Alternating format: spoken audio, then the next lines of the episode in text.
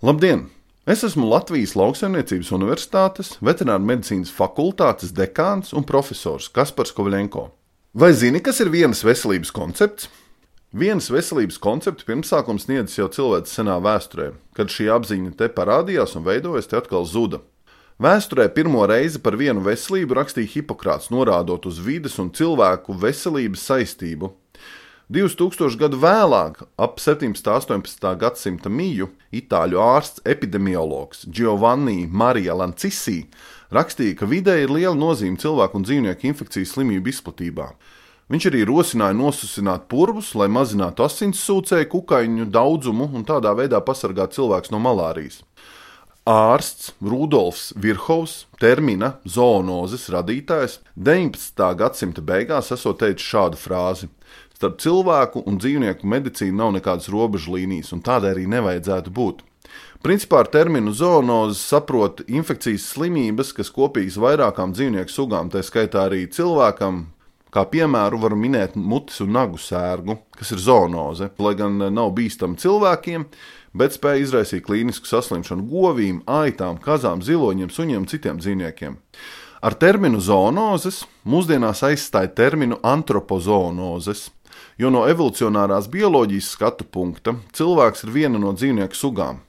To mēs varam redzēt gan balstoties uz salīdzinošu anatomiju, gan salīdzinot dažādas virsmas receptorus, kā arī salīdzinot cilvēku un dažādu dzīvnieku pilnas genoma sekvences, tad sekvenējot šo dzīvnieku un cilvēku genomu. Zoonotisko ierosinātāju pētniecība Latvijā aizsākās 19. gadsimtā, kad uh, trakumsērgu, zirgu ļaunos ienāšus, tuberkulozi, liesas sērgu, jeb Sibīrijas mēri un citus ierosinātājus pētīja mikrobiologs veterinārārsts Kristaps Helmanis, Teižens Zemmers, uh, veterinārārsts Otto Kalniņš. Otto Kalniņš pētījuma laikā inficējās ar zirgu ļauniem ienāšiem, no kā rezultātā mira, bet paralēli viņš detalizēti paspēja aprakstīt šīs slimības gaitu. Helmans Zemers un Kalniņš strādāja pie trakumsērgas vakcīnas izstrādes, pie zirgu ļauno ienāšu diagnostikas metodas izstrādes, kas rezultējās ar malīna atklāšanu, un pateicoties šim atklājumam, ļaunie ienāši Eiropā un lielā daļā pasaules tika izskausti un apkaroti.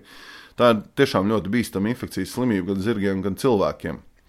No vairāk nekā 1460 zināmajām cilvēku infekcijas slimībām ir skaidrs zināms, ka aptuveni 60% ir nākušas no dzīvniekiem, bet no jaunajām infekcijas slimībām, kas parādās cilvēku populācijā, aptuveni 75% ir zoonozes.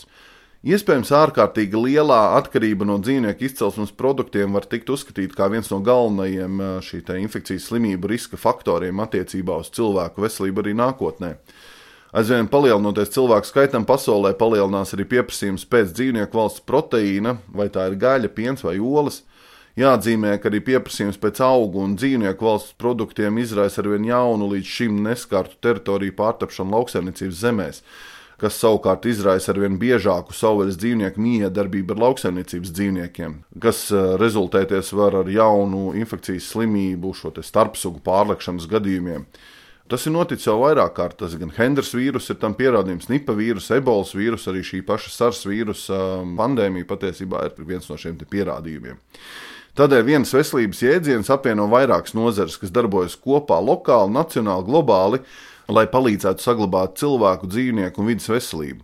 Vienas veselības konceptā cilvēki, dzīvnieki un vide ir salikti kopā, veidojot tā saucamo vienas veselības trijādi.